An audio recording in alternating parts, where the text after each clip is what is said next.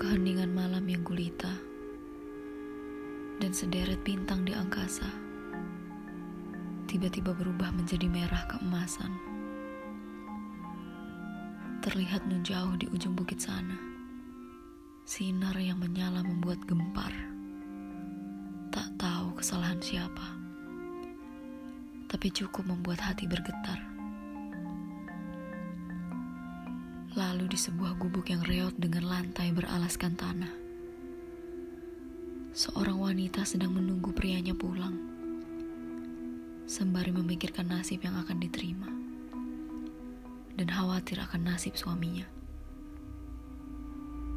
Benarnya ia sudah berkali-kali melarang, tapi ambisi sang pria bagai tak peduli. Apa pun yang terjadi nanti, itu adalah rahasia ilahi, katanya. Lalu dapatlah ia kabar prianya mati disaksikan bukit, ditelan api. Baiknya ia mencari pria pengganti. Namun, hatinya putih seperti merpati.